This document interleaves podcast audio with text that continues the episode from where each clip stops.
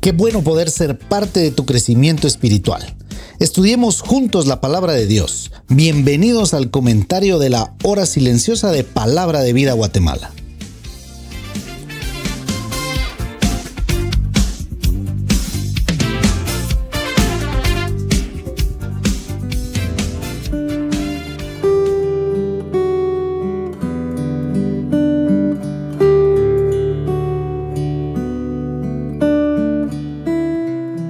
Estar en el comentario de la hora silenciosa el día de hoy. Te saluda nuevamente Oscar Fuentes del Ministerio de Palabra de Vida aquí en Guatemala.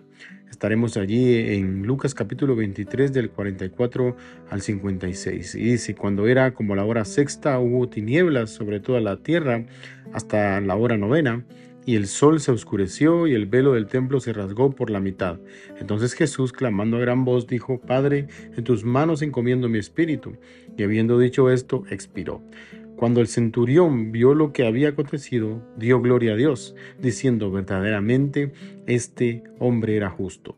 Y toda la multitud de los que estaban presentes en este espectáculo, viendo lo que había acontecido, se volvían golpeándose el pecho.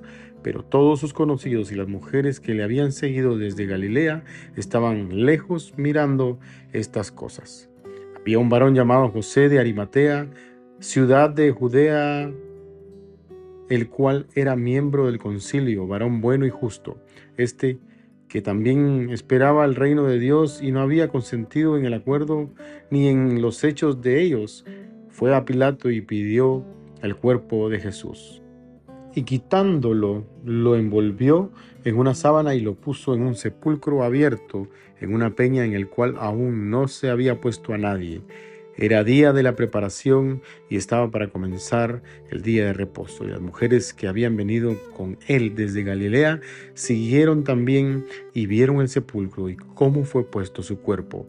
Y vueltas prepararon especias aromáticas y ungüentos y descansaron en el día de reposo conforme al mandamiento. Aquí vemos ya entonces cuando el Señor Jesús había expirado y entonces el sol dice que se oscureció y el velo del templo se rasgó por la mitad, de arriba hacia abajo, dicen otras versiones. ¿Qué quiere decir eso? Que era una obra de parte de Dios y no era una obra de parte de los hombres. Era algo que Jesús ya había anunciado en uno de sus discursos con los discípulos, de que Él era necesario que muriera y como cordero iba a ser llevado al matadero. Así que eh, vemos realmente la misericordia de Dios enviando a Jesucristo para salvarnos. Y habiendo dicho esto, dice el versículo 46, dice que expiró. Y vemos aquí que el sol se oscureció, dice en el versículo 44, 45, es decir, hasta las 3 de la tarde el sol se oscureció. El 45 va a mencionar todas las cosas que iban contra las leyes de la naturaleza, pues era el mediodía y en tiempo de luna llena, dicen algunos escritores, cuando es físicamente imposible un eclipse de sol.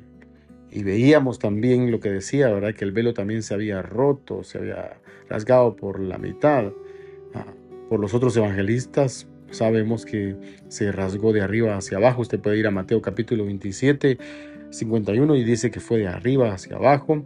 Marcos capítulo 15, eh, versículo 38 va a hablar acerca de que también fue de arriba hacia abajo, hablando acerca de que fue desde el cielo a la tierra, o sea, una obra maravillosa del Señor Jesús muriendo, que Él estaba siendo entregado únicamente para pagar nuestros pecados y de una forma voluntaria también Él estuvo en esa cruz. Nadie le obligó.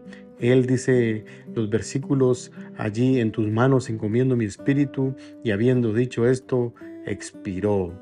Cuando las palabras del salmista decía un escritor, eh, estaban allí también, habían gritado su desamparo. Ahí cuando el Salmo 22, uno dice, Dios mío, Dios mío, ¿por qué me has desamparado? Ahí en los salmos mesiánicos. Y ahora vemos allí cuando también le dice, Padre, en todo caso Cristo murió con las palabras de la Escritura, en su boca, como decía un escritor. Así que vemos que Cristo estaba haciendo completa su obra desde la cruz del Calvario. Y entonces aparece un personaje que aquí es un centurión, eh, que vemos que es el que está al mando del pelotón de ejecución.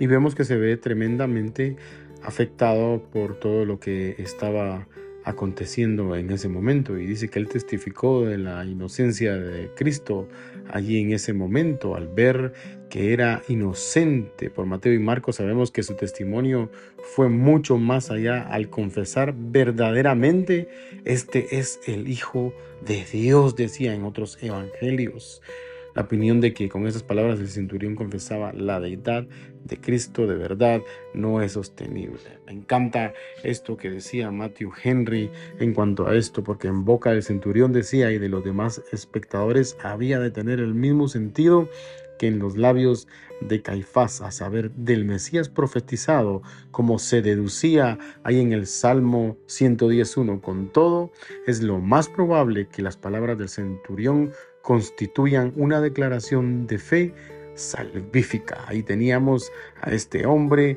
que estaba viendo la obra consumada de Cristo Jesús y muriendo también aún por el centurión más cruel de la historia quizás. Y la Biblia dice que toda la multitud de los que estaban ahí estaban presentes en el espectáculo. Yo creo que mucha gente de la que estaba allí recibió a Cristo como su Salvador. Probablemente vio el cielo se oscurecía, eh, vio que verdaderamente estaban matando al Hijo de Dios. Dice que se volvían golpeándose el pecho.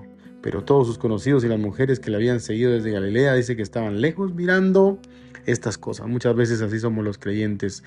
Viendo lo que Dios está haciendo, lo estamos viendo de lejos nada más, sin experimentar la cercanía de Cristo y de lo que Dios puede hacer en tu vida. Luego sale allí un varón, José de Arimatea, recogiendo el cuerpo de Jesús. No cabe duda que este hombre amaba a Cristo, no cabe duda que este hombre había recibido el perdón del Señor y por eso estaba en este momento acá. Dice que este, que también esperaba el reino de Dios, no había consentido en el acuerdo ni en los hechos de ellos, Así que él fue a Pilato y dice que pidió el cuerpo de Jesús y él hizo toda la preparación de todas las especies aromáticas, ungüentos y descansaron, dice, el día de reposo conforme el mandamiento. Por eso vívelo.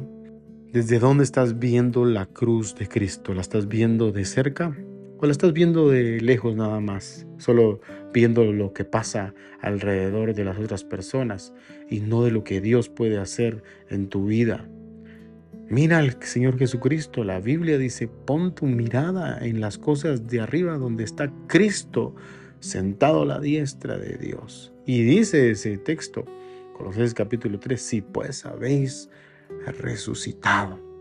Si tú ya has tenido un encuentro con Jesucristo, eso es lo que tienes que hacer. Que el soberano Dios bendiga tu vida grandemente.